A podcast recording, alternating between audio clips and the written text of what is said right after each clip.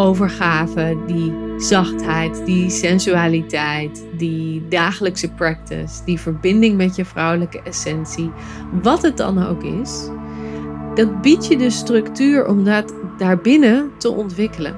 En dat maakt het veel gemakkelijker om het daadwerkelijk te doen. Welkom bij de Sensueel Belichaamd Leiderschapspodcast met Janneke Robers.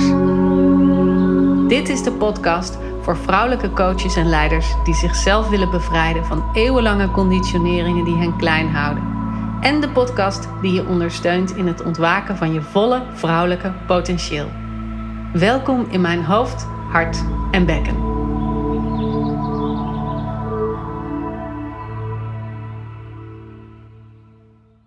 De afgelopen tijd heb ik ontzettend veel gesprekken gehad met coaches, met opstellers, met ceremoniebegeleiders, met trainers die ervaring hebben met vrouwenwerk en die een eigen bedrijf hebben, die veel persoonlijke ontwikkeling hebben gedaan, die ook gewend zijn langere trajecten aan te gaan voor zichzelf, voor hun eigen ontwikkeling.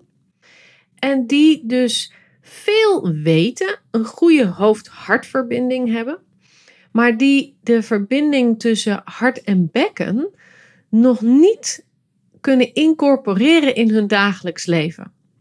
En dan zo gedurende dat gesprek dat we hebben, komt vaak naar boven: ja, ik weet het wel. Ik moet het gewoon gaan doen. Ik bel je nu wel, we hebben nu wel contact. Ik heb ook wel interesse in voluit vrouw zijn. Maar gedurende dit gesprek merk ik dat ik het gewoon moet gaan doen in mijn eigen leven. En dat is echt een hele interessante. Want als je het al weet, als je het effect al hebt gevoeld, als je al in de gaten hebt dat de balans tussen de actie, het doorgaan, het doen en je overgeven, naar binnen keren, voelen, en meer met de creatieve flow en de levenslust aan de gang gaan, dat die balans niet helemaal in orde is en dat je die balans anders zou willen. En dat je ook misschien wel oefeningen hebt die dat zouden kunnen versterken. Misschien luister je al naar deze podcast en heb je al heel veel van mijn oefeningen overgenomen of heb je in andere trainingen oefeningen ontdekt die werken of ben je op een andere manier bezig om dat in je leven in te brengen. Maar doe je het nog niet?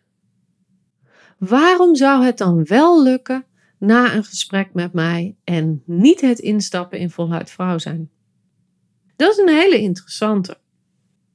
Selfcare is super belangrijk en toch doen we het zo weinig. Toch lukt het zo weinig om dat te doen.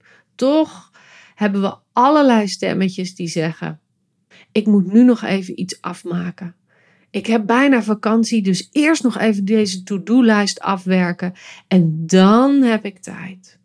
Of ik moet eerst nog wat voor mijn kinderen doen, of eerst nog wat voor mijn partner, of eerst nog wat voor mijn klanten doen. Dus de ander is belangrijker dan jij. Of ik ga pas naar de sauna als ik het verdiend heb. Al dat soort redenen om selfcare uit te stellen, om embodiment practices uit te stellen, om je ochtendoefeningen uit te stellen. Hebben we het ook al over gehad in andere afleveringen.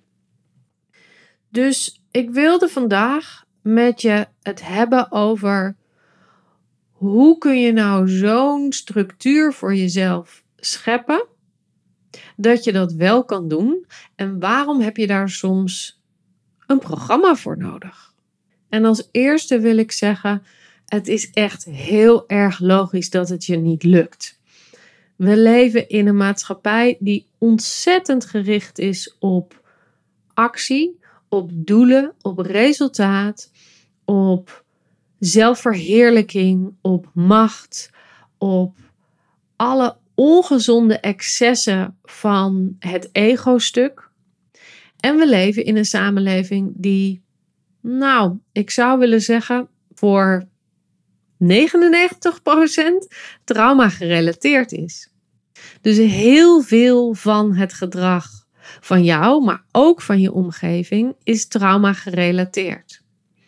We zijn ergens geschaad en we reageren op de ander vanuit die geschadenheid. En dat hoeft niet groot te zijn, hè? Het, kan ook, het kan ook heel klein zijn, maar het wordt steeds in ons getriggerd. En dus, als we dus in zo'n omgeving leven, is het super lastig om zelf bij je eigen kern en bij je eigen essentie te komen. En te voelen dat je dingen vanuit liefde voor jezelf doet. Om ruimte te maken voor ontspanning, voor overgave, voor het landen, voor aanwezig zijn. Want dat roept ook al het gemis, alle pijn, alle keren dat je jezelf verloren hebt, roept het wakker. Dan kun je er natuurlijk voor kiezen om alleen lekkere dingen te doen, zoals ehm, een zelfmassage of naar de sauna gaan of ehm, een wandeling buiten te maken. Lekker simpel, niet de diepte in. Maar ook dat is heel lastig om te doen, omdat we dus voortdurend uitgenodigd worden om steeds in die traumareactie te gaan en steeds in die ongezonde excessen te gaan. Je hoeft Instagram maar te openen en je wordt aan alle kanten bestookt met dat je het niet goed doet, dat het beter kan, dat je jezelf moet vergelijken met anderen. En dat roept natuurlijk allemaal al dat ongezonde in onszelf op. Dus het is heel logisch dat we het in ons dagelijks leven moeilijk vinden om onszelf de ruimte te geven om te doen wat gezond en voedend is voor onszelf. Dus laten we dat even voorop stellen. Het ligt hmm, niet zo 100% aan jou. En dat laat ook gelijk zien waarom het soms heel belangrijk is om juist in te stappen in een programma. Want daarin heb je juist gelijkgestemden om je heen. Je hebt support als het lastig wordt. Je ziet het resultaat van anderen, dat werkt stimulerend. Je creëert een veld om je heen waarin het doen van dat wat je wil doen super gestimuleerd wordt. En dat is zo belangrijk omdat het in die buitenwereld, in jouw normale leven, misschien niet zo gestimuleerd wordt. Daarnaast geeft een programma je ook de structuur om het te doen. We zijn zo gebouwd dat we graag bij het oude en het vertrouwde willen blijven. En dat is omdat we dat kennen en omdat dat structuur geeft en omdat dat veilig is. Dus als je in een programma zit dat je ook structuur en veiligheid biedt, dat je een heel duidelijk stappenplan geeft, dat je een bepaalde looprichting als het ware geeft, dan bied je jezelf dus structuur en veiligheid waarin het veel gemakkelijker is om dat wat je wil ontwikkelen, die overgave, die zachtheid, die sensualiteit, die dagelijkse practice, die verbinding met je vrouwelijke essentie, wat het dan ook is, dat biedt je de structuur om dat daarbinnen te ontwikkelen. En dat maakt het veel gemakkelijker om het daadwerkelijk te doen. Zo werk ik in voluit vrouw zijn met een trekker, waarin je heel gemakkelijk kan aanvinken: ah, vandaag heb ik het gedaan, tak, tak, tak. Nou, heel prettig om zelf die structuur in jezelf in te bouwen. Maar ik geef je ook hele gemakkelijke oefeningen die je in een paar minuten kunt doen, s ochtends, waardoor het veel gemakkelijker is om ze ook echt in te incorporeren in je dagelijks leven. Je hebt zustersupport, waar je bijvoorbeeld, het is niet een verplichting, maar het is een voorbeeld dat ik geef en wat ik zelf ook regelmatig heb gedaan, gewoon met iemand dagelijks kunt appen en even kunt zeggen: Heb jij het gedaan? Ja, ik heb het gedaan. Of hoe voelde jij je vandaag? Ik voelde me zo. Dat je even een soort van incheckpunt hebt en dus op een bepaalde manier ook een externe motivatie om iets wat je intern wil aanpakken te doen. En nou weet ik, we willen allemaal heel graag op interne motivatie iets veranderen. Maar dat is onwijs lastig omdat ik zo net al gezegd heb, de structuur om je heen nodigt daar niet toe uit. Als je nou in een community zou leven, in bijvoorbeeld Portugal.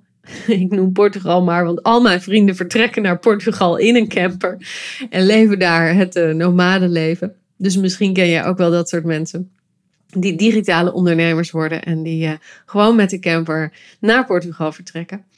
Als je daar in een community leeft waarin het normaal is om dit te doen, dan is het veel gemakkelijker. En dan heb je geen programma nodig, want dan heb je al die omgeving om je heen waarbinnen je dat gemakkelijker kunt doen.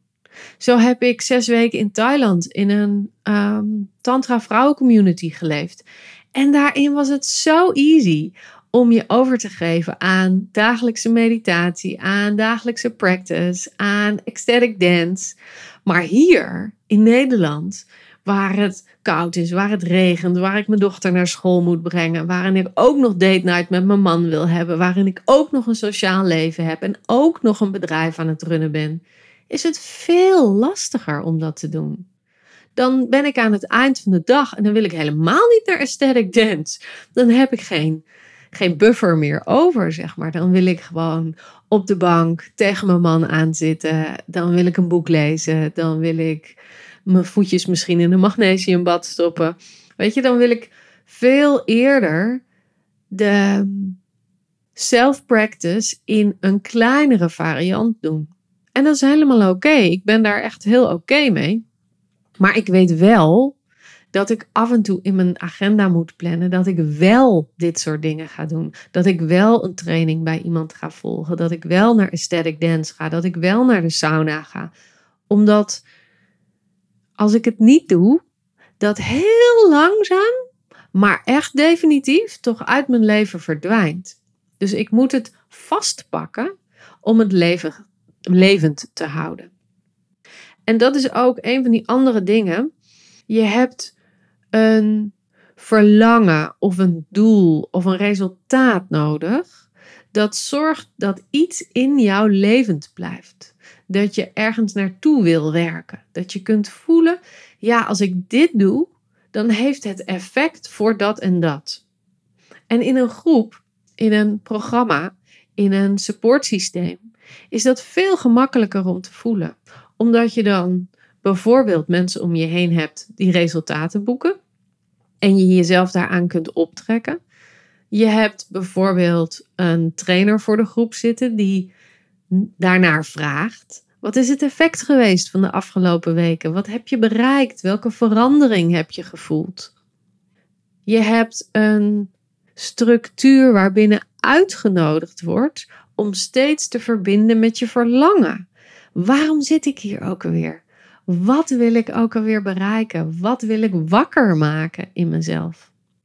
En dan gaat het bereiken dus niet over de mannelijke actiegerichtheid, maar dan gaat het bereiken over wat wil ik voelen? Wat wil ik levend maken in mezelf? Wat, waar wil ik weer verbinding mee maken?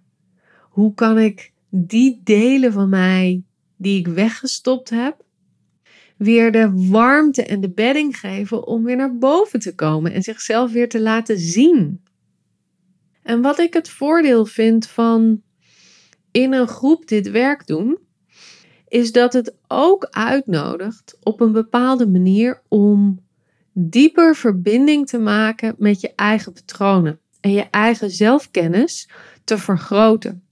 En natuurlijk kunnen we dit ook thuis doen. Natuurlijk reflecteer ik bijvoorbeeld, zoals ik in de vorige aflevering al heb verteld, over mijn jaar met de Voluit Vrouw zijn groep, reflecteer ik op wat, het, wat de retraite van afgelopen week mij heeft gebracht, wat ik daarvan geleerd heb, hoe ik ergens in getriggerd was, hoe ik daaruit kwam. Dat kun je allemaal zelf doen. Maar als je geen spiegel hebt, geen spiegel van de deelnemers of geen spiegel van een begeleider, dan blijf je op een bepaald niveau hangen. Dan kun je niet zien wat je blinde vlekken zijn. Of je kunt niet zien wat je nog niet ziet. Dus zo'n groep versterkt ook jouw zelfkennis. Maar het versterkt ook de gemeenschappelijke kennis van het vrouwelijke veld, van de ontwikkeling van de vrouwelijke principes, van misschien wel de godinnenmythologie of wat er nog meer te halen valt in dat vrouwelijke veld, waar jij misschien nog niet van bewust bent, maar andere leden van een groep misschien al wel. Dus het, gezamenlijke veld van kennis is veel groter. Nou, in voluit vrouw zijn vind ik het ook belangrijk dat je de biologie van je eigen vrouwelijk lijf leert kennen. Ik geloof dat je wel weet dat een groot deel van de vrouwelijke anatomie pas heel laat in de biologieboekjes verscheen. Dat vrouwen niet gevraagd worden voor wetenschappelijk onderzoek, omdat wij zo'n lastige cyclus hebben. Nou zeg ik lastig en dan doe ik hetzelfde. Ik vind ons, ik categoriseer ons als lastige wezens. En dat zijn we niet. We zijn gewoon wezens met een cyclus, met wisselvalligheid. Maar mannen hebben die wisselvalligheid veel minder. Dus kunnen we daar veel gemakkelijker medicijnen op testen. Kunnen we daar veel gemakkelijker de anatomie van ontleden. Kunnen we daar veel gemakkelijker structuur in zien. En dat zorgt ervoor dat wij als vrouwen onszelf, zoals ik net al deed, tussen aanhalingstekens als lastig bestempelen. En dus niet goed weten wat onze eigen biologie is. Belangrijk om te ontdekken. Maar ook hoe de ontwikkelingspsychologie ook jou heeft ontwikkeld. Welke stappen jij daarin hebt gezet, welke stappen je daarin over hebt geslagen, waar blokkades zijn gekomen, waar opening is gekomen en hoe dat zich verhoudt tot het hier en nu. Super essentieel om te ontdekken voor jezelf en niet alleen te weten, maar ook op te kunnen reageren. En als laatste, ik vind externe motivatie ook een hele belangrijke. Ik weet wel dat we intern gemotiveerd hebben te zijn om aan een proces deel te nemen en om goede resultaten te krijgen. Maar externe motivatie als je moet dan en dan aanwezig zijn, of je betaalt een x bedrag, of je krijgt een bepaalde opdracht. Misschien wel je krijgt complimenten, of misschien wel het geeft status. Dat soort dingen, daar vinden we wat van. We vinden dat dat niet nodig zou moeten zijn, maar het werkt wel. En als dat zo werkt dat jij uiteindelijk in je dagelijks leven iets voor elkaar krijgt wat je heel graag wil, maar waarvan je al jaren merkt dat het je niet lukt. Bijvoorbeeld die dagelijkse oefeningen doen. Bijvoorbeeld die feminine embodiment practices incorporeren. Bijvoorbeeld om je sensualiteit te laten stromen, om levenslustiger met je kinderen om te gaan, om je hart te openen naar je partner, om meer klanten in je praktijk te laten stromen, om wat dan ook voor elkaar te krijgen. En het lukt niet, dan heb je soms externe motivatie in te brengen om het toch te realiseren, want je weet wel hoe het moet ik ga ervan uit dat je ongelooflijk veel zelfkennis hebt, dat je ervaring hebt in begeleiding, dat je eerder ontwikkelingsprocessen hebt meegemaakt, dat je eerder aan persoonlijke ontwikkeling hebt gedaan en dat er een ongelooflijk grote lijfwijsheid in jou zit, die als je er de tijd voor neemt, echt weet wat je moet doen. Je hoeft maar te gaan zitten en te luisteren naar je lijf. En er komt boven, dit is belangrijk, dit is essentieel, dit is waar je toe uitgenodigd wordt. Maar om dat te doen, hebben we soms externe motivatie nodig, omdat we zo ingebakken zitten in onze eigen patronen. En daarom denk ik dat het juist voor vrouwen die veel ervaring hebben, die veel kennis hebben, die al ver zijn in hun proces, nog steeds super belangrijk is om dit soort programma's zoals Voluit Vrouw zijn of een ander programma te doen, zodat je die structuur om je heen brengt. Dat is waarom ik ook nog steeds coachingsprogramma's doe, trainingen volg, mijn, mijn eigen coaches heb, waar ik op dagelijks, niet op dagelijks basis, maar op grote, uh, uh, grote continuïteitsbasis, toch steeds weer contact mee heb. Dus om mee af te sluiten, vraag jezelf eens af: wat is wat je graag zou willen? Wat is je verlangen of je doel of wat zou je willen bereiken? En waarom lukt dat nog niet? Waarom is dat nog niet levend in jouw dagelijks leven? Waarom doe je niet wat je hebt te doen, waarvan je weet dat je het moet doen? En als je dat weet, wat van de voorgaande oplossingen tussen aanhalingstekens heb jij nog niet geïncorporeerd in je leven? Dus wat heb je te doen? Wat heb je in te brengen om dat wel gemakkelijk voor jezelf te maken? Ik ben heel benieuwd. En zoals altijd mag je even naar me uitreiken, me een DM sturen op Instagram of een berichtje op LinkedIn. Allemaal hartstikke welkom. En vond je deze aflevering nou waardevol? Zorg even dat je de volgbutton aanklikt in Spotify. En ik vind het ontzettend leuk als je me een aantal sterren geeft daar. We zitten op een, uh, op een 5 beoordeling, dus dat vind ik echt super, super leuk. Dank jullie wel daarvoor. En uh, nou, deel de aflevering met mensen in je omgeving als je denkt dat dit waardevol voor hen ook zou kunnen zijn. Vind ik heel erg fijn. Ik wens je een mooie dag, middag of avond en uh, graag tot de volgende aflevering. Doei doei!